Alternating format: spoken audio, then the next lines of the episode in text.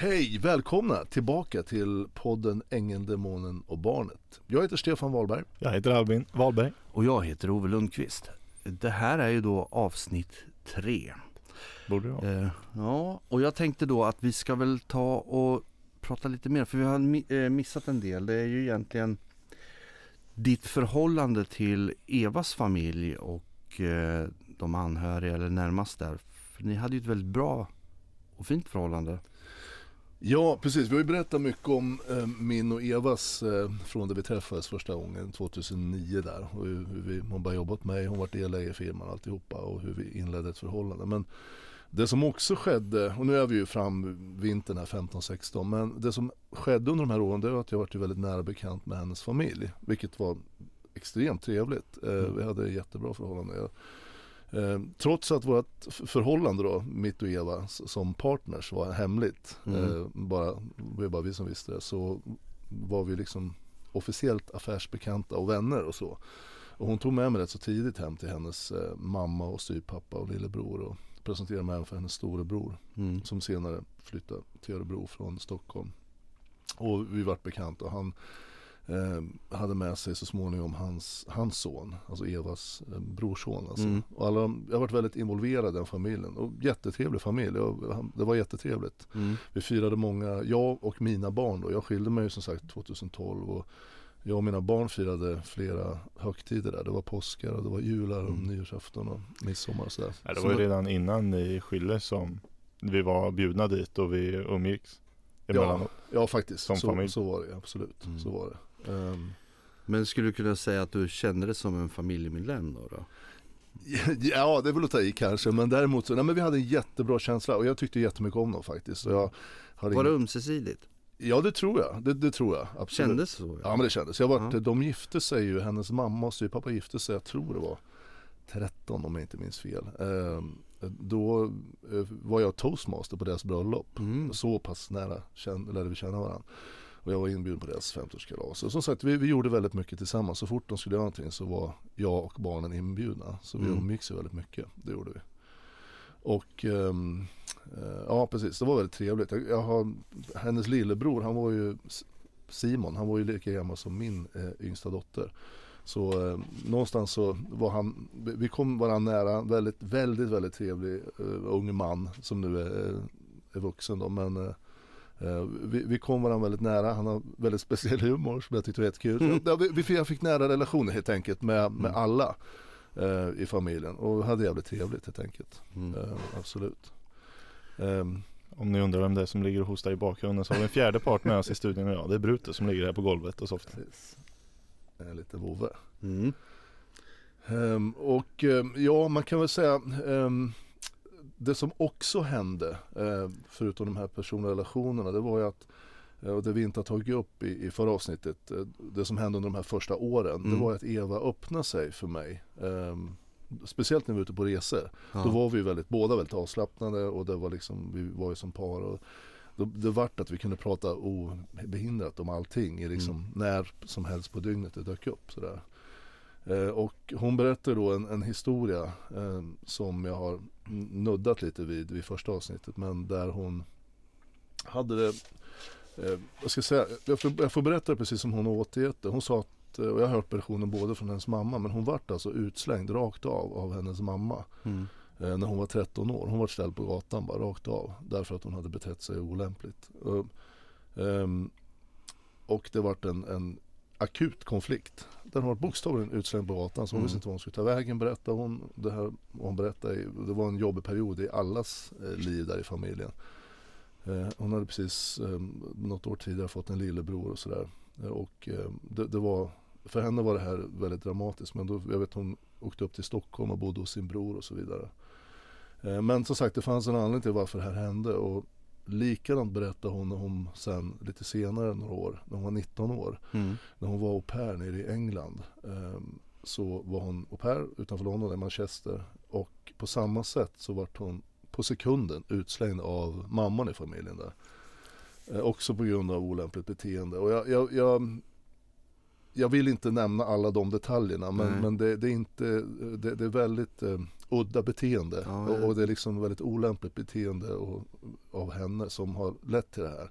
Och hon, jag vet inte om hon riktigt förstår det själv men hon har snuddat vid det och berättat för mig rätt mycket detaljer om det men eh, jag har liksom, när hon har berättat det så har jag blivit väldigt sådär lite bekymrad, lite förvånad. Men det är ju så här, när man har förhållande, man satsar på en framtid tillsammans, man får väl ta liksom allting som ett paket. Mm. Alla har ju ett Ja. bagage. Liksom. Och liksom det, precis, man får lägga det som i, i hennes bagage där helt enkelt. Det är väl inte mer med det. Men sen, det här resulterar väl i att, eh, ja, det jag visste, det jag fick reda på också både av, av Eva och hennes mamma Saga. Det var att de hade aldrig pratat ut om det här som hände då Okej. de var 13 år. Aldrig, man hade inte ens nämnt det. Vi, men hur som helst, jag tror det var 15, då ville Evas mamma eh, prata med mig. Hon sa att kan du inte komma över du bara själv så kan vi ta en fika. Ja, Mm. tänkte jag. Tänkte väl om det var bara något som ville eller om det var någonting. Och då åker jag dit i alla fall, hem, hem där de bodde, här de bor fortfarande tror jag, i Pålsboda. Och eh, vi sitter hon och jag bara. Och så säger, tittar de på mig allvar och säger hon, Du Stefan, jag, jag vill varna dig för Eva. Och, jag, och då var jag Ja, varit alldeles okej. paff. Undrar, vad fan, fan är det här? Liksom, tills dess så hade vi ju liksom haft det jättebra på alla sätt, sådär, kände jag. Alla relationer, vi hade varit där mycket och sådär. Och jag, jag svarar lite grann så här bara, ja ja, nej men det är ingen fara. Liksom, jag, jo men du förstår inte, säger hon. Och hon var väldigt allvarlig. Du förstår inte. Eva har en hemsida och jag vill varna dig för den. Ja, ja då, då börjar jag ana att det är väl någonting som kanske har med det här att göra. Jag Mm. vet inte riktigt vad hon menar eh, komplett fortfarande. Men då, då säger hon igen eh, liksom att Nej men du förstår inte, hon har en hemsida, du kommer få uppleva den, du kommer få se den. Men, Mm. men jag vill varna dig för den. Okej, då försöker jag runda av där. För liksom jag, hon ville inte säga mer än att hon ville bara på det allvarligaste varna mig. Och jag fattar faktiskt ingenting Nej. vad hon menar. Jag anar att det kanske hade med det här att göra. Men då förstod jag inte. Nu förstår jag Ja. vad hon menar. Och vad det är lite mer, det kommer ni ju som sagt. eh, Det här är lite viktigt också för det är ju lite grunden till vad som har hänt sen. Ja precis, ni Ja. kommer att få höra detaljer eh, som, där man förstår kanske vad hon Mm. menar. För det här, vi pratar ju också om personlighetstyper. Vi kommer prata mer om det längre fram Ja. och gå lite mer på djupet om just eh, beteenden och hur man kan eh, bemöta det och kanske också se det. Mm. Mm. Ja, men det, det är grundanledningen till varför jag och vi vill göra den här podden. Det, det är inte på något sätt för att lämna ut någon utan man får försöka vara så pass smidig som möjligt med Mm. personliga uppgifter och sådär. Saker och ting har hänt och det kan vara jobbigt och sådär kännas vid. Men, men framförallt så när ni lyssnar på hela poddserien och sen eh, det, det är för att jag vill liksom visa hur det går till, hur det kan gå till när Mm. det blir riktigt, riktigt extremt. När Mm. man just träffar den här typen av personer. Mm. För de är väldigt, väldigt speciella. Mm. Eh, Där både Eva Stark, hon hette Eva Lindlöf innan, och eh, Bill Engman. eh, De hör dit liksom. Och det, det, det, alltså folk, på allvar, folk dör och blir sjuka och de, de alltså eh, far väldigt, väldigt illa när man Mm. träffar den här typen av människor. Mm. Bara att har man inte gjort och inte förberedd, då står du helt eh, försvarslös och du har ingenting att sätta emot för du förstår inte vad det handlar om. När vi ändå pratar om det här så jag vet ju att det var ju en konflikt med en granne också. Ja, det stämmer. Eh, hon har en granne då eh, som, jag kan nämna henne, det är inga konstigheter, Louise heter hon. De, eh, Louise jobbar åt oss från, jag tror det var åren 13-14 som akvarietekniker. Mm. När Eva började bli lite, hon var delägare där eh, under 13 eh, och tog in henne i firman och sådär och vi började driva firman ihop och då så eh, sökte Louise jobb och då fick hon gå in och vara akvarietekniker. Så hon, dessutom var hon granne till Eva och vi köpte ju fastighet också här under 13 på samma gata så vi hade Mm. väldigt mycket med varandra att göra och umgicks även privat. Mm. Firade nyår tillsammans och allt vad det var. Så, eh, hon, hon, vi lärde känna varandra väldigt bra men eh, jag tror det var någonstans här 15-16 så kom de lite ur kurs, eh, Eva och Louise. Så rätt vad det är så en dag så ringer Eva alldeles upprörd. Eh, och då säger jag, men vad är det? Ja, jag, jag, ska, jag ska förgifta Louise Brunn. Jag bara, va? och jag tror hon skojar Okej. först men Ja men, ja men så kan man ju tänka, så, jag. Eh, kan, så kan man ju tänka. Nej men Stefan, jag menar allvar. Jag har tänkt i detalj vilka ämnen jag ska använda och allting. Och hon var väldigt specifik i hur hon skulle gå tillväga. Och jag bara, vad fan är det här? och återigen sådär, när man är tillsammans, man, man liksom är ett team och man får ta liksom allt det andra. Men det här var extremt märkligt att höra. Och jag liksom jobbade under samtalet och försöka få henne att och liksom skjuta på det. Men hon var, alltså hon var, hon, hon hade suttit och tänkt var helt länge seriöst, det. Ja, för fan, det var helt seriöst. Hon hade tänkt länge på det. Då försökte jag förklara att om du förgiftar hennes brunn så kommer ju inte bara Louise dricka ur den. Hon har ju liksom tjejer som rider, hon har hästar och hästarna dricker vatten och det är ju andra som dricker vattnet där. Du kan ju inte förgifta hennes Ja men det skiter jag i, det skiter jag i. Hon ska liksom, hon ska dö. Hon var extremt, det är den här sidan som då de här personerna har. Mm. Eh, och ni, vi, kommer nudda vid det lite grann nu när vi, vi pratar så här i podden innan vi går in på det. Vi- kommer Ja. göra ett specifikt avsnitt bara eh, om den här typen av personer. Men när de tappar masken, de har en mask som de bär där de är snälla och sådär. Men när de tappar den så kan de bli riktigt, riktigt elaka. Alltså på riktigt allvar. Jag kan väl flika in här nu när vi pratar om de här personligheterna. Podden heter ju Ängeln, Demonen och Barnet av en anledning. Och det Precis. är ju eh, vad man brukar beskriva en kort sammanfattning av den här personlighetstypen.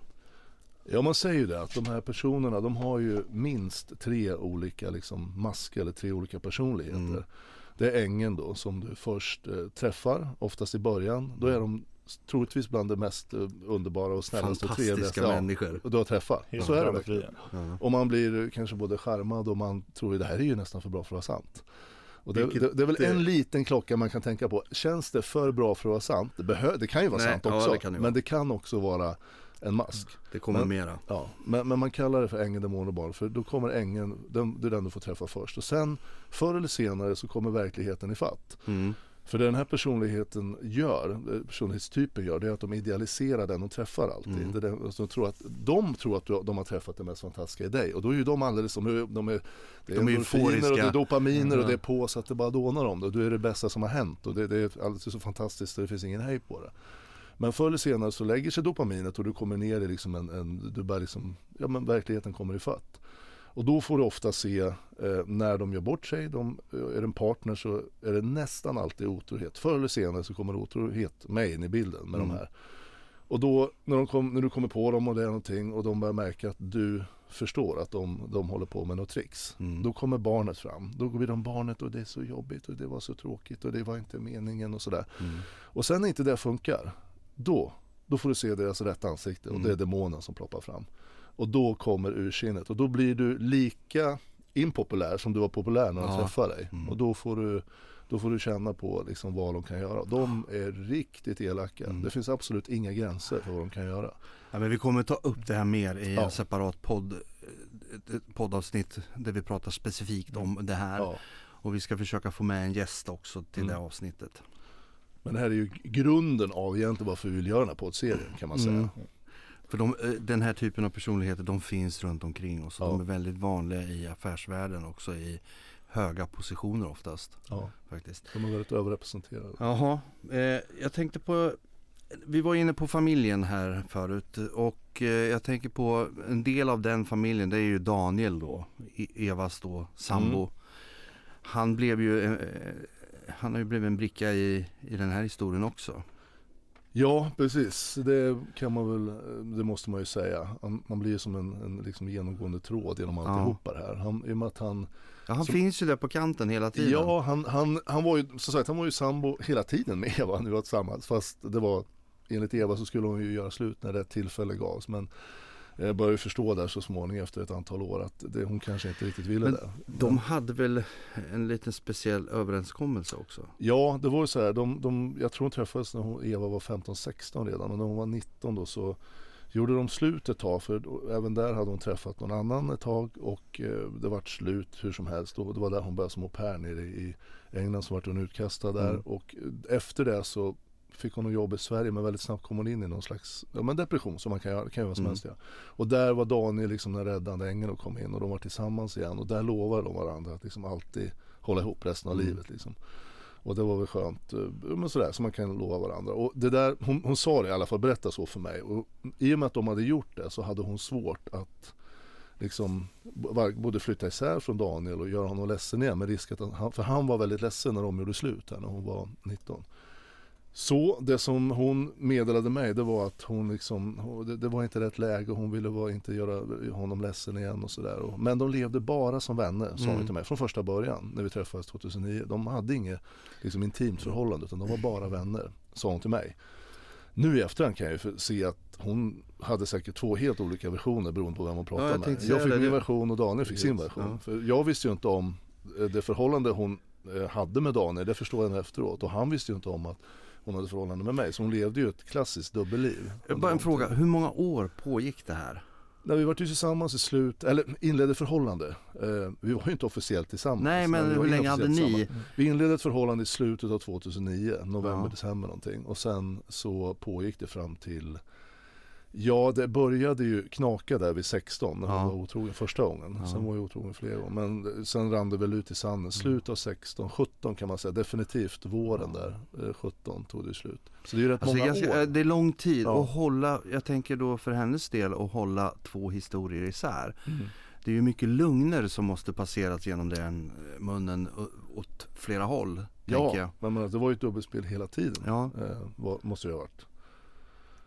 Och Så- hålla ordning på allting man har sagt. Som inte, alltså jag brukar säga så här, håll dig till sanning så vet du vad du har Mm. sagt. Och i ett sånt här tillfälle så är det, eller under en sån här situation så, så måste det vara omöjligt att hålla isär vad man har sagt och vad man har gjort och Mm. alltihopa det här. Men det är i och för sig återigen det här med manipulation och, eh, och ljuga är ju väldigt vanligt Mm. för den här personlighetstypen.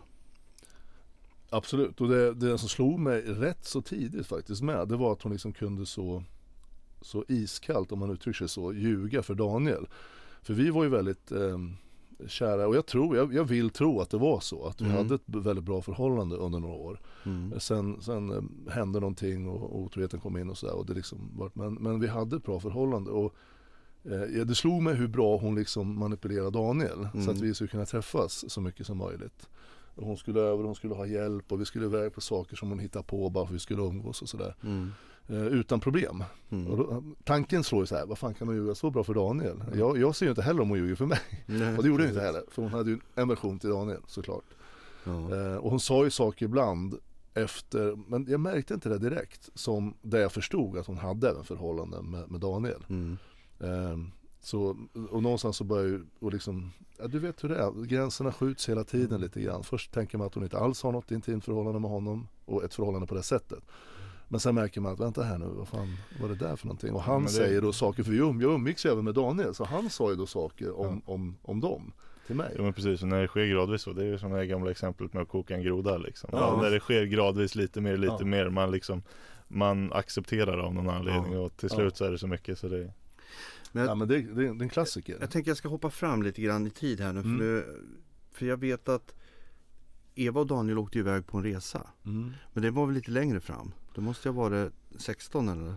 Har jag fel? Nej det var, det var slutet av 15 var det. Okej. Det var flera resor där. Jag och Eva Mm. var i Hongkong vid oktober tror jag.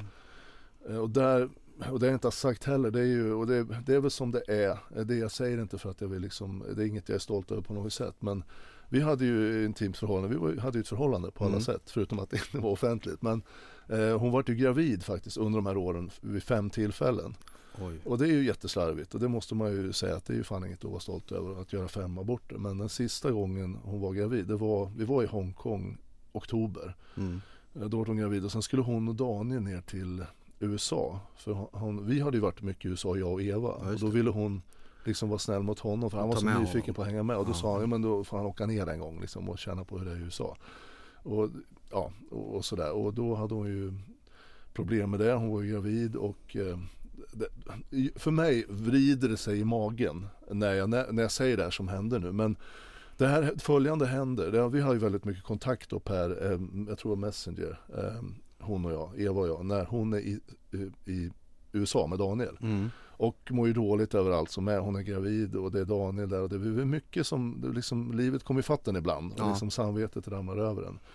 Men hon, vi pratar tid, jag försöker hjälpa henne med tider för abort och så att, för då skulle vi eh, Hon skulle ju på resa efter det Rätt så tajt. Det var ju då hon åkte på den här Karibienresan Ja, i slutet av december, januari. Ja det, Så hon ville vi ju liksom om få det avklarat innan hon åkte Mm. ner på den resan så hon inte var gravid där nere. Men då plötsligt så skickar hon att hon mår dåligt och hon går runt och, och förresten så, så hade jag sex med honom häromdagen. För att det är som det är. Så, så han skulle då tro att han var pappa till, till den, här- eller orsaken till graviditeten eller jag ska uttrycka Okej. mig. Det är ju ett litet embryo och stor respekt för det och det är inget jag stolt över på något sätt. Jag vill verkligen betona det men Det var så det var i alla fall. Och jag kände, Du hade ju inte så mycket med den lugnen att göra Nej. egentligen att hon valde att göra som hon gjorde. När hon bara meddelade mig och jag, där, där verkligen kände jag eh, nu, nu eh, jag kände nästan, klarar man det här liksom? Alltså, det, Mm. man, man måste ta på sig saker man gör, man måste stå för och sådär. Och jag var ju trots allt delaktig i det här. Men den varianten eh, var inte det. Och det, hur som helst så vart det så i alla fall. Hon valde då att ha sex med honom en gång, sa hon till mig i alla fall. För att då han skulle tro att, att det var han. För då kunde hon förklara hon som att det, var liksom lättare när posten kom hem från sjukhus och om där borta och sådär. Så behövde hon inte tänka på det. För de tidigare graviditeterna hade hon, hon eh, haft hemligt. Eller om det var att, nej fan hon hade faktiskt gjort det här en gång tidigare. Hon sa till honom att han var orsak till en av de tidigare också. Mm. Precis på samma sätt så vart det Alltså jä- jättemärklig situation och bökigt. Alltså, jag försöker ge en, en, om ni förstår helhetsbilden här. Vi har ett förhållande, vi lever då inofficiellt. Mm. Som, ett, ja, som ett par som planerar framtid. Vi köpte Ja. ju ett, en fastighet för vi skulle bo där tillsammans och jag skiljer mig. Och hon är kvar i förhållandet och det här liksom Ja, den här grodan vi pratar om. Jag brukar Ja. säga att, att eh, tänk dig en trapp på 20 steg. Ja. Du kan inte hoppa upp på 20 steget. Det gör du bara inte. Nej. Vissa saker gör man inte. Men Men inte tar du ett steg i liksom. taget. Tänker du tanken först, någon intresserar dig lite för någon liten grej och du kommer, ja men det där kan jag göra lite grann. Alltså du tar ett steg Mm. i taget och du smyger dig liksom, du tänjer på gränsen. Mm. Rätt vad det är så står man på steg 19. Och då är det inte så jävla svårt att ta det 20 steget. Nej. Och det är så som händer här liksom. Det är gradvis så flyttas gränserna. Jag kan inte förklara på annat sätt. Och det, här var det väldigt tydligt så. Men saker och ting, liksom, hon vart ju mer och mer avslappnad kanske man kan säga på något sätt. Och me- mer och mer lite vårdslös på olika sätt. Och jag kommer att säga mer sen också. Men eh, ni, kommer, ni kommer förstå bättre om, ni, om ni, ni lyssnar vidare. Men det här är ett sånt exempel där jag skulle aldrig någonsin eh, försöka inbilla min partner som jag då är gravid med. Alltså det för mig, det fanns inte i min värld i alla fall. Men så här, för en sunt resonerande människa så, alltså så här, det ska ju väldigt mycket till av samvetet för att klara av att upprätthålla en sån här Ja. liksom lögn och ett sånt här dubbelliv. Mm. Eh, Det är ju, Ja, det var ju som jag sa tidigare under så många år. För det är ju väldigt många år också Ja, att hålla en sån här grej i. Så ja, och du- sitter ju bara där och väntar på en pall att det ska liksom lösa sig. För bollen ligger ju hos henne Ja. att du har ett därifrån. löfte att det ska Ja, bli ja. ni två en vacker Ja dag. precis, liksom. jo men det ska så bara, det ju. Och det här är ju inget ovanligt. Alltså, man har ju hört om den andra kvinnan. Mm. Det är ju, det är ju Ja. samma, du är den andra mannen. Ja, det är ju precis. precis, samma sak. Ja. Det är ju kvinnor som sitter i samma båt och Mm. väntar på att mannen ska släppa sin fru. Ja.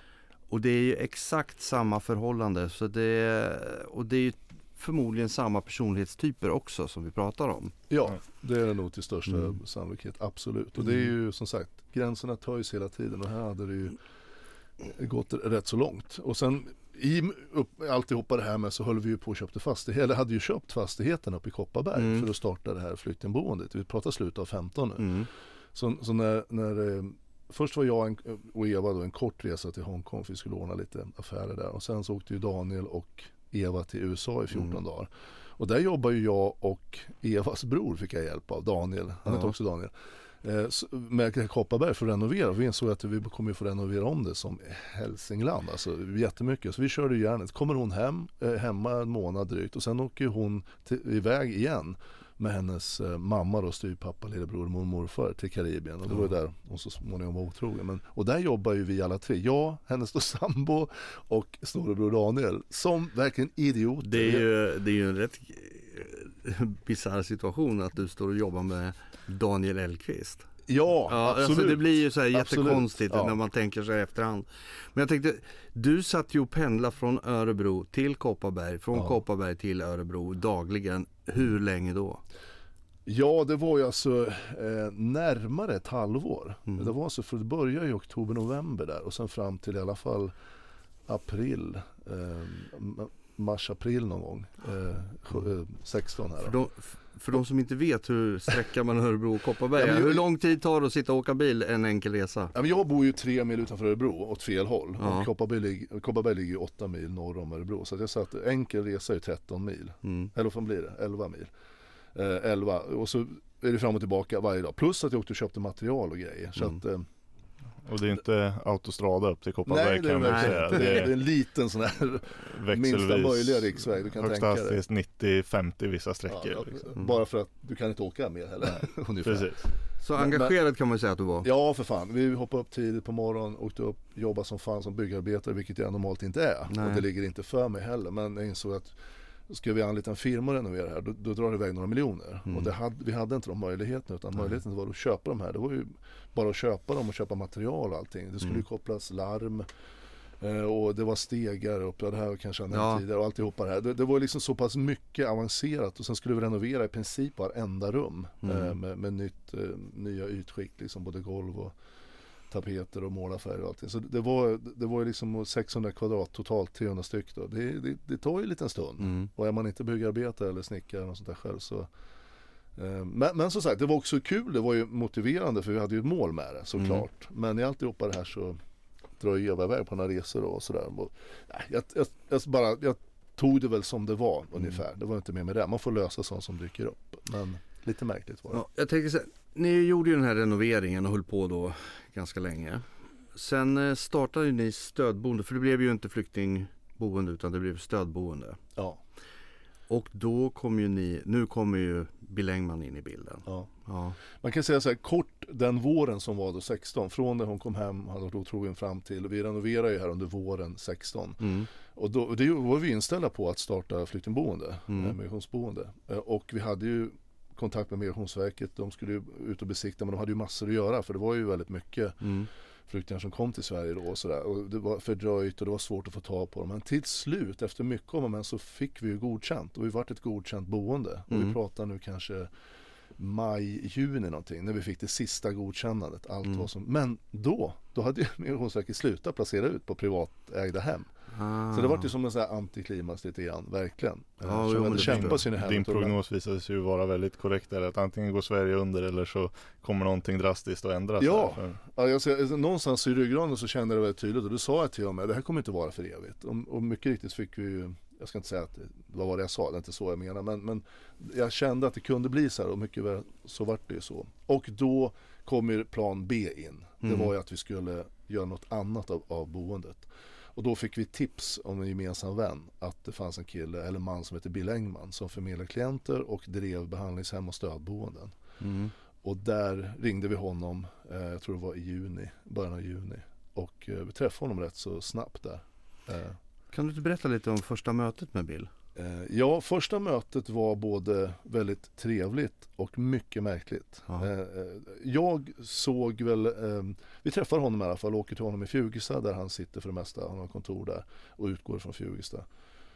Och vi ringer honom och säger, ja men fan ni kan komma hit direkt och det är ju bara några mil från Örebro. Så att vi Mm. åkte dit, träffade honom direkt, kommer in. Jag pratar väl hela tiden ungefär som jag brukar göra och skötte liksom förhandlingar och affärer.